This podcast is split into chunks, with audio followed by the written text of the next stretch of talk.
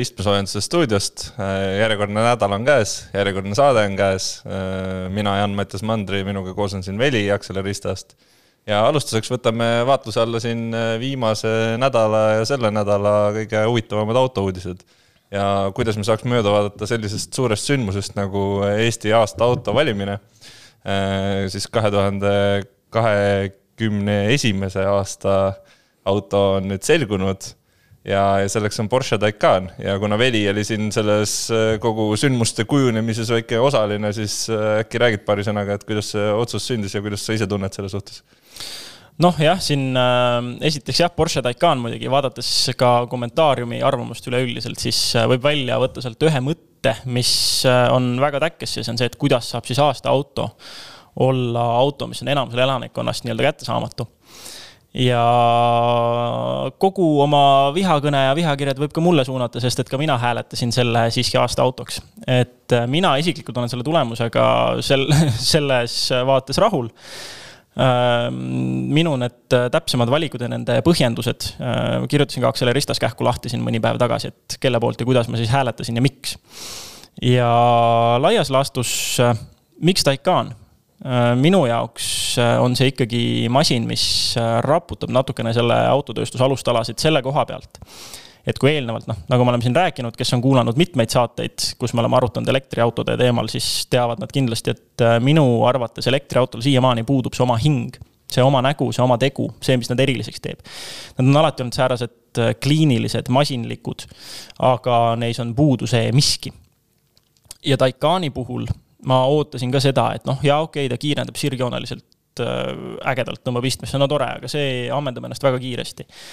aga see, kuidas see masin kurve võtab, hoolimata oma massist, ta ei kakle selle massiga igal suunavahetusel, vaid äh, ta käitub nagu õige sportauto, ta ei ole mingisugune alajuhitav raske kits. ja teine asi on see, et see auto ei ürita ürita imiteerida juba olemasolevaid asju, ta ei ürita luua sul mingit sisepõlemismootoriga auto tunnet, mis iganes a la helidisaini või millegagi, ei. tal on täiesti oma, selles mõttes ta teebki nii-öelda otsa lahti elektrilise sportauto enda näo ja teo kujundamisel.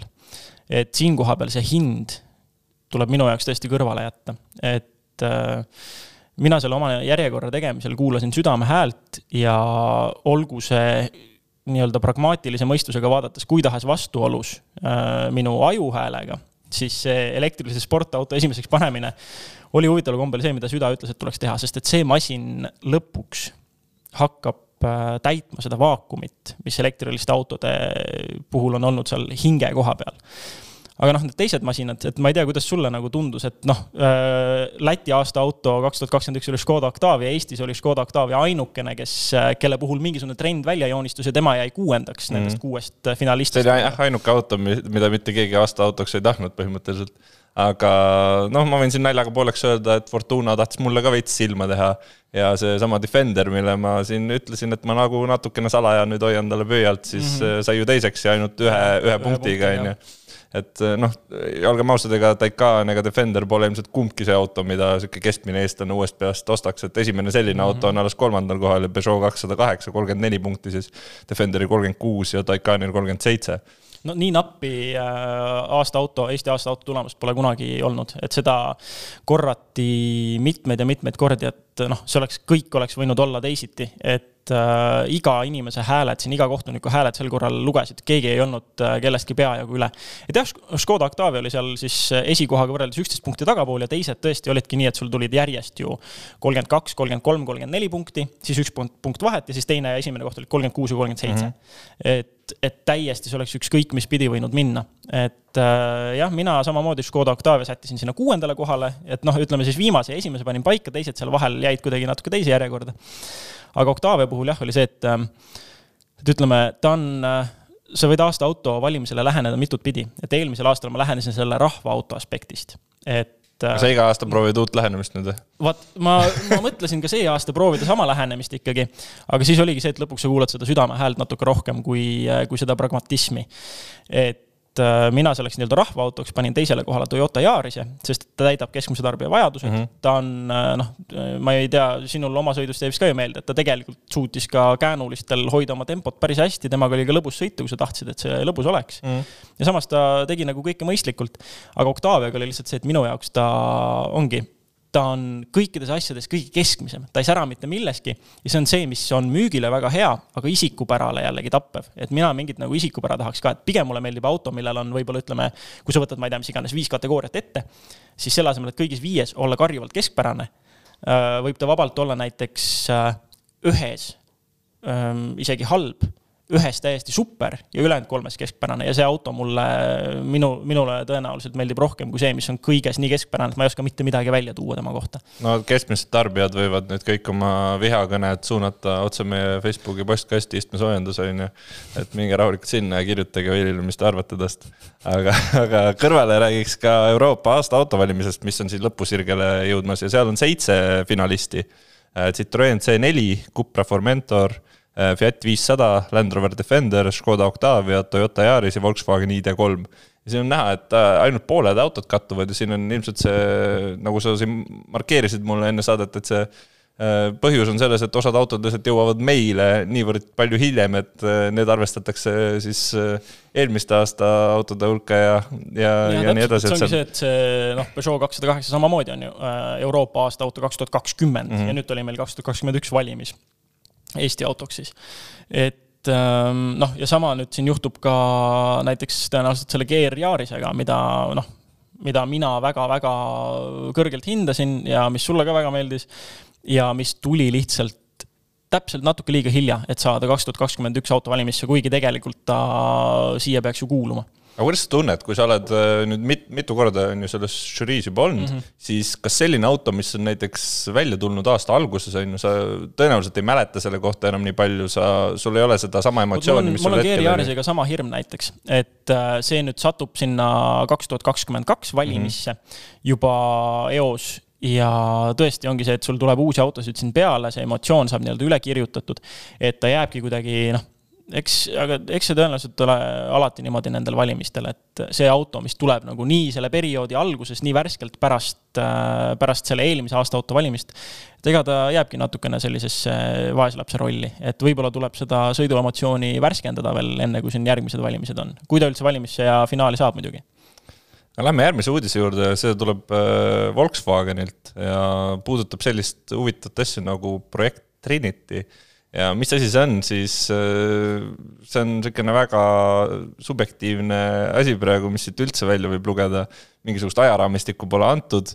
Äh, põhimõtteliselt mingit infot aga, aga äh, praegu on näha selle asja visuaallahendus auto katte all, see on see vana hea, kuidas inimesi hulluks ajada ja, ja ühesõnaga, meil on, meil on siluett, meil on äh, noh, kuidas võiks öelda buzzword'ide kohta, suminasõnad nagu äh, innovatiivne, uuenduslik ähm,. noh, mis veel, võib veel siin viis samatähenduslikku sõna juurde mõelda. aga tegelikult see siluett minu arust oli huvitav, sest see nägi välja nagu äh,, mul on endal äh, Instagrami feed'i jookseb hästi palju sisse, kuna mm -hmm. kogu see golfi teema on südamelähedane, siis äh, jookseb äh, sisse neid äh, õhkvedrustuse peal äh, olevaid äh, Volkswagen Golfi igasugust, igast märki on ju uuemaid, vanemaid.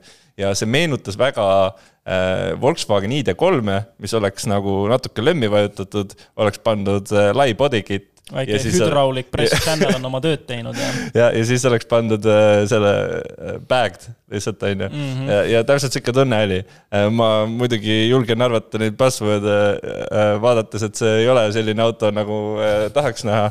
aga, aga mida me teame? no loomulikult see saab olema elektriauto, onju ja, ja siis äh, räägitakse ka autonoomsuse tasemetest juba, et äh, kõigepealt on see teise taseme autonoomsus, mida lubatakse praegu, see on põhimõtteliselt see, mis ka praegu enamik autodel saadaval on, mis täisvarustuses on, ehk siis äh, kohanduv püsikiirushoidja. kohanduv püsikiirushoidja, kõik raja... need ise, isepidurdussüsteemid mm, -hmm. hädapidurdussüsteemid, rajahoidjad, muud noh, tervik turvapakett, nagu täna standard on, on ju. aga põhimõtteliselt sellesama auto saaks ka neljanda taseme autonoomsuse peale ümber lülitada mingil hetkel, kui seadusandlus ja kõik selleks valmis on. see oli nüüd vist see, et juht ei pea enam täie tähelepanu juures olema, on ju, või see oli vist isegi samm ülespoole, kas kolmas tase oli vist nüüd on ju see, et juht ei pea enam tähelepanu juures olema isegi autos? ja, ja neljas tase on see, et äh, põhimõtteliselt äh, kui teeolud on ideaalsed, kui kõik jooned on maha märgitud, kui mingisuguseid väga müstilisi asju ei juhtu, siis äh, auto on võimeline ise sõitma, et see ei ole päris see viienda taseme autonoomsus, kus sa võidki silmad kinni panna ja tuttu minna, on ju. Mhm. aga, aga sa istud autos, monitoorid seda, see on kogu see, mis äh, praegu USA-s tehakse, see katsetamised, Waymo asjad ja mm -hmm. kõik muud autod, mis seal sõidavad, on ju, ja on seal ka mingeid probleeme tekitanud, kus juht äh, arvabki, et tal on see viienda taseme autonoomsus käes ja istub juba telefonis ja sööb ja vaatab filmi ja mida iganes ja lõpuks sõidab kellelegi otsa ja see on need klassikalised. siis on autotootja muidugi süüdi. jah, et need, need on need klassikalised probleemid mm. -hmm. ühesõnaga, mis selle kogu loo kokkuvõtteks võib öelda, on see, et Volkswagen tegeleb jätkuvalt huvitavate asjadega ja kuna ID3 iseenesest mida, mingisuguse revolutsiooni ju kaasa tõi ja me saame nüüd näha, mida need järgmised ID-mudelid siin lähiajal toovad siis äh, kindlasti huvitav kuulda. ja vahele hõige, vahele kõrvalepõige, et kes tahavad vaadata gigantide heitlust, siis Waymo ja Tesla mõlemad on viimase paari päeva jooksul siin üksteise suunas natukene odasid pildunud, et äh, esialgu siis Waymo ütles, et Tesla läheneb sellele autonoomse sõidu äh, asjale puha valest otsast, et äh, ei saa teha nii, et sa võtad juhiabisüsteemide paketi ja siis hakkad seda täiendama ja siis loodad, et see läheb täisautonoomsuseni välja, et tuleb ikka alata kohe selle õige mõttega. nüüd siis on Elon Musk juba midagi vastane, noh, nüüd seal niisugune heitlus väike käib, et, et võib natukene internetist tuulata ja vaadata, mida need gigandid omavahel seal sõnelevad aga nüüd räägime ühest teemast, mis ma tean, et sind kindlasti mingil määral erutab ja see on lootused Äh, ja Lotus siis teatas, et äh, nad toovad äh, ühe uue auto ja vähemalt ühe uue auto esialgu. ja samal ajal saadavad kolm Lootust välja teenitud puhkusele ehk siis. vastakad emotsioonid, vastakad emotsioonid kol. kolm E-d lähevad selle aasta käigus juba ära ja mis sinna asemele tuleb, on väga ebakindel praegu, et meil on siin teada, et äh, prototüüp Type üks kolm üks on olemas ja, ja mis sellest tuleb? siin on, siin on öeldud näiteks, äh, et see on V6 hübriid ja ehitatud Lotuses Prii vaimus, aga täpselt samamoodi nagu, täpselt samamoodi nagu Volkswageni puhul on meil ainult need katte all olevad autod ja seal on siis näha see üks Type üks kolm üks pluss kaks mingisugust autot veel, aga me näeme tegelikult ainult nende väliskujundust praegu, on ju. Et äh, noh siin on ju see kogu hiinlaste teema on äh, huvitav mm, -hmm. et kaks tuhat seitseteist äh, see vana hea Geely või äh, Geely või ma ei tea, kuidas seda hääldada, on ju. Nad ostsid siis Lootuse ära ja, ja lubasid juba mõnda aega tagasi siin, et ehitatakse esimene elektrilootus valmis. ehk siis Evia, on ju. ja, ja nüüd sellel aastal siis tulevad need murrangud veelgi rohkem ja hakatakse ka veel ehitama näiteks Geely mingisuguse maasturi baasile ka lootuse maasturit, mis ja, ilmselt siis küll. see Casina Brutus moment et.... ja, ja, ja noh, tipuks on muidugi see, et seda hakatakse ehitama Wuhanis, nii et mm. see ilmselt Euroopasse müüki ei jõua, kuna see on liiga palju siukseid negatiivseid äh, seoseid sellega ja, ja kõik see, on ju aga, aga sihuke asi. kiired lootused peaksid ikkagi sündima Hethelis ja nii see vist veel vähemalt mõni aeg peaks olema. et kahju muidugi jah, et äh, Eliise, Exige ja Evora kõik siis puhkusele saadetakse, aga samas ka Eliise sai ju noh, mis oli kahekümne viienda sünnipäeva puhul, ma kirjutasin natuke Eliise ajaloost, et kes soovib, kaevab äh, Acceleristast selle välja, kui kirjutada sisse otsingusse Lootus või Eliise, küll ta tuleb. ja noh, pikk pikk, pikk mudeli ajalugu on selja taga ja, ja täiesti tõesti, sul on selle koha pealt õigus, et lootused on südamelähedased. Äh, lootused on äh, osalt süüdi selles ka, et, et mingil hetkel toimus ka minul see krõks, kus ma hakkasin vähem huvituma auto võimsusest ja selle tagaajamisest ja pigem keskenduma sellele, et kuidas auto kergeks saada mm. -hmm. sest et see on noh, see, see on nii palju paremini tuntav lihtsalt, see juhitavus on minu jaoks, noh, ütleme, kui me läheneme auto, sportliku auto aspektidele, siis noh, meil on, on ju, sirgjooneline kiirendus, nagu ma olen kordi öelnud mitmeid, ammendab ennast väga kiiresti, ei ole niisugune sirgelt sõit väga huvitav. ja meil on see kurvisõit, mis on minu jaoks kõik see põnevam. et sellele kurvisõidule see lootuse filosoofia aitab kindlasti palju enam kaasa, et et äh, kuidas see eestikeelise moto võiks olla, lihtsusta ja siis lisa kamaluga kergust, nagu Colin Chapman ütles. et äh, ma olen kindel, et nad üritavad seda vaimu hoida ka juba noh paraku sünnipäraselt raskete elektriautode puhul, aga vaadates Evia andmeid, siis äh, selliste andmetega masina massi hoidmine, kui ma õigesti mäletan, siis see oli alla tuhande kolmesaja kilogrammi, on ikkagi suur saavutus. et kui mm. keegi sellega hakkama saab, siis see on lootus. et see on tore, et lootus tegelikult äh, selle, seda tuleb vaadata kui head asja, et lootus ka elektririndele suundub, sest et äh, nemad tõenäoliselt toovad selle kerguse revolutsiooni kaasa et see on järgmine samm seal äh, ele sport elektriautode ja, redelil. hing ja siis juba massi allatirimine ja kõik absoluutselt. ja noh, positiivne on ka see, et tegelikult nad kogu selle Hiina rahaga on saanud äh, mitusada inimest juurde võtta, kes äh, hakkavad kogu selle arendus- ja ehitustöö peal tegelema, et ilmselt saavad olema päris huvitavad autod mm. -hmm aga nüüd räägime selle nädala proovisõiduautost, mille puhul kindlasti ei saa seda öelda, et tal massi vähe oleks. Äh, selleks autoks oli siis Toyota Hilux, äh, nagu äh, Maanteeameti info ütles, siis tegemist on maastikusõitliku veoautoga. ja, ja seda võib nagu absoluutselt igal juhul kinnitada. kui sa mõtled nüüd Hiluxi peale, niimoodi unusta kasvõi see auto ära või sa võid teda ka tervikuna vaadata, mis on need esimesed märksõnad, mis sulle nagu pähe löövad?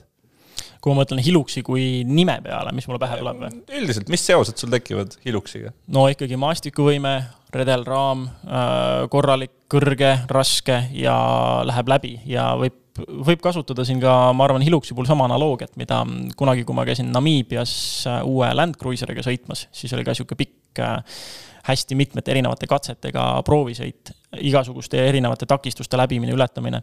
ja noh, kohalikel siis Namiibias oli välja kujunenud äh, länkari kohta ütlus, et äh, viib su kohale ja toob tagasi ka.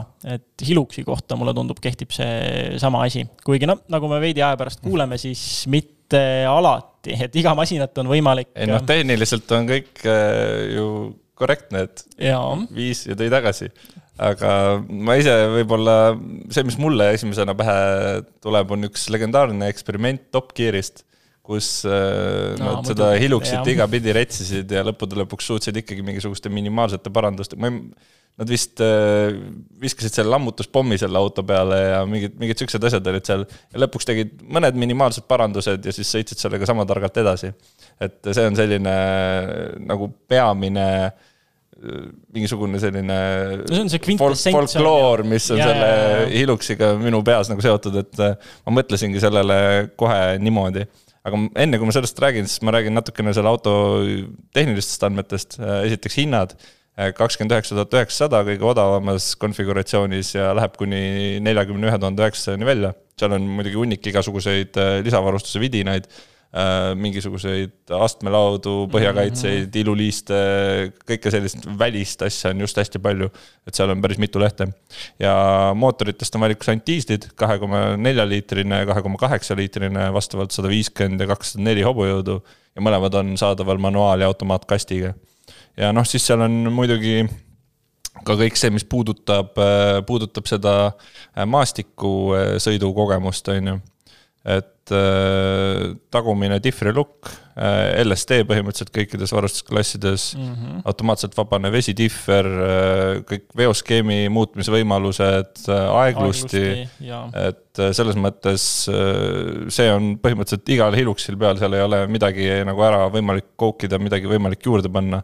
Äh, seal on küll mingisugustes äh, varustustasemetes on võimalik võtta näiteks heavy duty vedrud juurde, on ju aga, aga põhimõtteliselt iga Hilux, olenemata sellest, missugusest klassist ta on, peaks juba olema võimeline maastikul sõitma.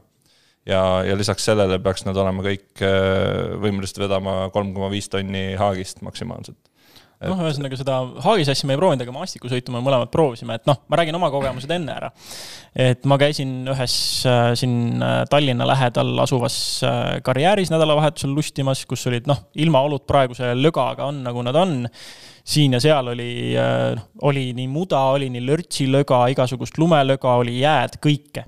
ja noh, hästi rööpas sõidetud, see on siksakiline, siksakilisi teid täis karjäär, äh, väikseid tõuse, väikseid languseid, kõike leidis. Ja proovisin igatepidi, ega ma noh, aktiivselt kinni jääda temaga ei proovinud, aga ma proovisin ikkagi äh,, tegin seal mitu nii-öelda ringi kord proovisin tagaveolises konfiguratsioonis, kord proovisin siis mõne koha peal aeglustiga ja nii edasi ja no selge on see, et varu oli ikka kõvasti, et selle autoga kannatab kinni jääda põhimõtteliselt alles siis, kui sa saad ta põhja peale kuidagiviisi. et seal oli neid sügavaid rööpaid küll ja ühes kohas ma korra mõtlesin, kurat, kas ma nüüd sõitsin kinni meid. et äh, sõitsin ja siis äh, oli mingisugune lompidega kaetud koht, esirattad vajusid sügavamale, kui ma arvasin, ja siis ma vaatasin, et veel edasi tuleb veel sügavamaid kohti, et ma peaks nagu ennast sealt mm, rööbastest välja sõitma, on ju. ja mõtlesin, proovisin siis selle lihtsalt, äh, noh, tal on need sõidurežiimid, siis on niisuguse ilusa pöördvalitsega, on H2 ehk siis äh, mitte aeglusti tagavedu on H4 ehk siis äh, ka tavakiirusega nelik ja siis on äh, L4 ehk low range ehk aeglustiga nelik proovisin siis seal seda aeglustiga nelikut, lasin korra tagasi, lasin korra edasi ja siis vajutasin pedaali ja vaatasin, kurat, nüüd ta ei lähe. Et nüüd ma olen kinni. aga noh, selle aeglustiga muidugi tuleb see kaasa, et sul ongi esimesed, ütleme kakskümmend, sul läheb gaasipedaal hästi tundlikuks, et esimesed kusagil kakskümmend viis protsenti, sul on pedaal peaaegu et surnud. ja kui natuke rohkem vajutada, siis ta läks ilusti, lihtsalt hüppas põhimõtteliselt sinna välja ennast ja ei olnud mingit muret temaga et tõesti kinnijäämiseks oleks ma pidanud otsima palju sügavama koha ja ta põhja peale sõitma lihtsalt, et äh, et kogemus selle Toyota nelikuga ja noh, see on küll tõesti länkariga, oli Namiibias ka säärane, kus äh, ma kusagil rannas mingi tõusu peal kaevasin ennast liiva sisse ja no ka niimoodi, et korra tulin autost välja, vaatasin, noh, astmelauani liiva sees. et kuidas siit nüüd välja saab. ja siis lükkasin aeglust ja lükkasin dihvrilukud ja vaikselt lihtsalt hakkasid ronima ja roomama ja läks ja ma, ma ei, ma siiani ei saa aru, kuidas ta seda suutis, et ma kahtlustan, et see Hilux on umbes sama võimekusega. et äh, kuniks põhja peale ei jää, peaks kõik hästi olema. jah äh,, numbrid ka äh,, lubatud külg alla nelikümmend viis kraadi äh,, maksimaalne läbivussügavus, ehk siis vette võib sõita seitsesada millimeetrit pealesõidunurk kolmkümmend kraadi, mahasõidunurk kakskümmend viis kraadi, suurim tõusunurk nelikümmend kaks kraadi ja clearance on siis kakssada kakskümmend seitse millimeetrit, mis on nagu näha ka kohe, on ju, et on see nagu kitsaskoht siin, et mm -hmm, kujuta nüüd ette, et sa võid, sa võid sõita seitsmesaja millimeetrises vees aga samal ajal on nagu kakssada kakskümmend seitse millimeetrit on see clearance, et sa võid seal lihtsalt mingisuguse kivi otsa põhimõtteliselt. ma seda kusjuures sõites tundsin küll, et paari äh, lumise koha peal sihuke pehme müts põhja alt, kus nagu põhjakaitse korra kusagile vastu käis küll, et, äh, et see clearance, kui äh, jällegi ma praegu panen mälust, aga kui ma õigesti mäletan, siis näiteks Subaru X-veel oli clearance vist kas kakssada seitseteist äkki mhm. või mm -hmm. et Äh, või oli kakssada üheksateist, midagi sinna auku, et peaaegu kakskümmend kaks sentimeetrit samamoodi. et noh, ja see on selline masin, millele sa vaatad peale ja sa ei oota nagu sellist äh, noh, ütleme, et ta näeb madalam välja, kui ta tegelikult on ja Hilux selle võrra jällegi näeb kõrgem välja, kui ta tegelikult on. nojah, ja ma suutsingi selle õnneks ära proovida ka, et mis tunne siis selle põhja peal kinni on olla ja käisin, sõit, käisin sõitmas mööda ühte niisugust äh, kruusateed, mis ma muidu tean, et väljaspool talvist aega on kruusatee ja seal oli lumi peal, no see oli nüüd just äh, eelmise nädala lõpus, ehk siis see lumi vaikselt oli hakanud juba sulama, aga ta ei olnud veel päris kadunud. Äh, ja seal oli lumi peal ja sõitsin, sõitsin ja üks hetk äh, vajusin läbi paksu jää. selline, ütleme, julgelt kümne sendi paksune jää. mõtlesin, et kuna seal enne oli ka mingisugust väikest niisugust kerge, kerged lombid olnud mm, -hmm. mõtlesin, et noh, mis seal ikka, et see on selle jää ja lumesulavesi, et äh, sõidan siit kiirelt läbi ja saab nagu edasi sõita. aga tuli välja, et vajus ja vajus ja vajus ja vajus ja kuna ta on nii raske, siis ta tegi kõik selle jää katki ja üks hetk ma olingi seal kogu selle jääkünka otsas ja oli puksiiriaeg. Ehk siis äh, on ikkagi mingisuguseid olukordi, kuhu on võimalik ka kinni jääda sellega just see põhja peale aga noh, puksiir tõmbas äh, kiiresti välja ja rohkem nagu ühtegi probleemi ei olnud, et lumest ja kõigest sellest ta läks nagu tegelikult väga ilusti läbi ja sellega mm. ei olnud on ju mingit küsimust.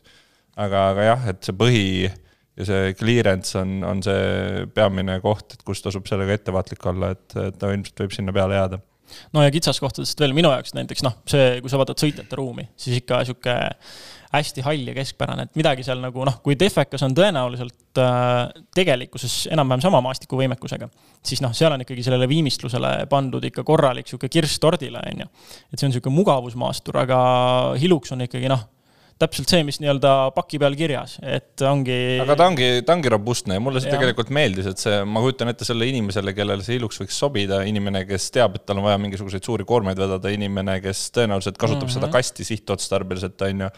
kes hoiab seal mingeid tööriistu, kes ongi sihuke noh, et sa umbes töökinnastega lähed, istud sinna rooli taha, on ju kohe ja, ja mustade riietega, siis see on kõik okei okay. Jaa. ja selles mõttes olid materjalid, naginaid, naginaid materjalid olid ka väga hästi Jaa. valitud. et ma just äh, vaatasin seda, missugused on istmematerjalid, missugused on roolimaterjalid, näiteks rooli mm., panid tähele, rooli kate on kohe teistsugusest äh, noh, kui see muidu on see naha imitatsioon mm. või nahk, on ju, siis no ta on, ta on kohe tunda, et ta on selline heavy duty, et sinna ei jää kõik see mustus ja laga mm. sinna külge, et, et ta on ilmselt lihtsasti puhastatav ja sellega ei ole nagu selles mõttes probleemi.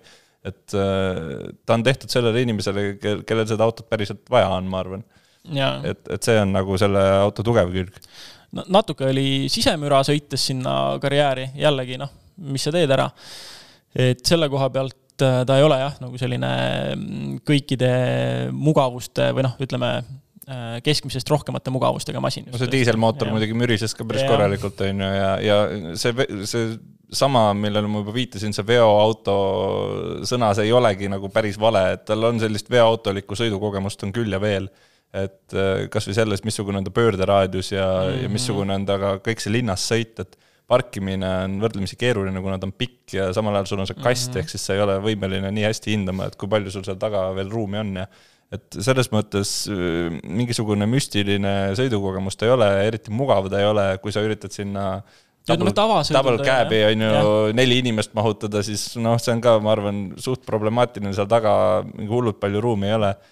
kui sul on veel mingid kotid ja asjad, siis pagasiruumi ju ei ole, ainuke asi on võimalik kasti visata. Jaa. et selles mõttes ta on sihtotstarbeliseks kasutamiseks ikka. ja, ja tal, tal samas ongi just see sõiduelamuse asi, et jah, ta ei ole mug- mugavussõiduk linnas kasutamiseks.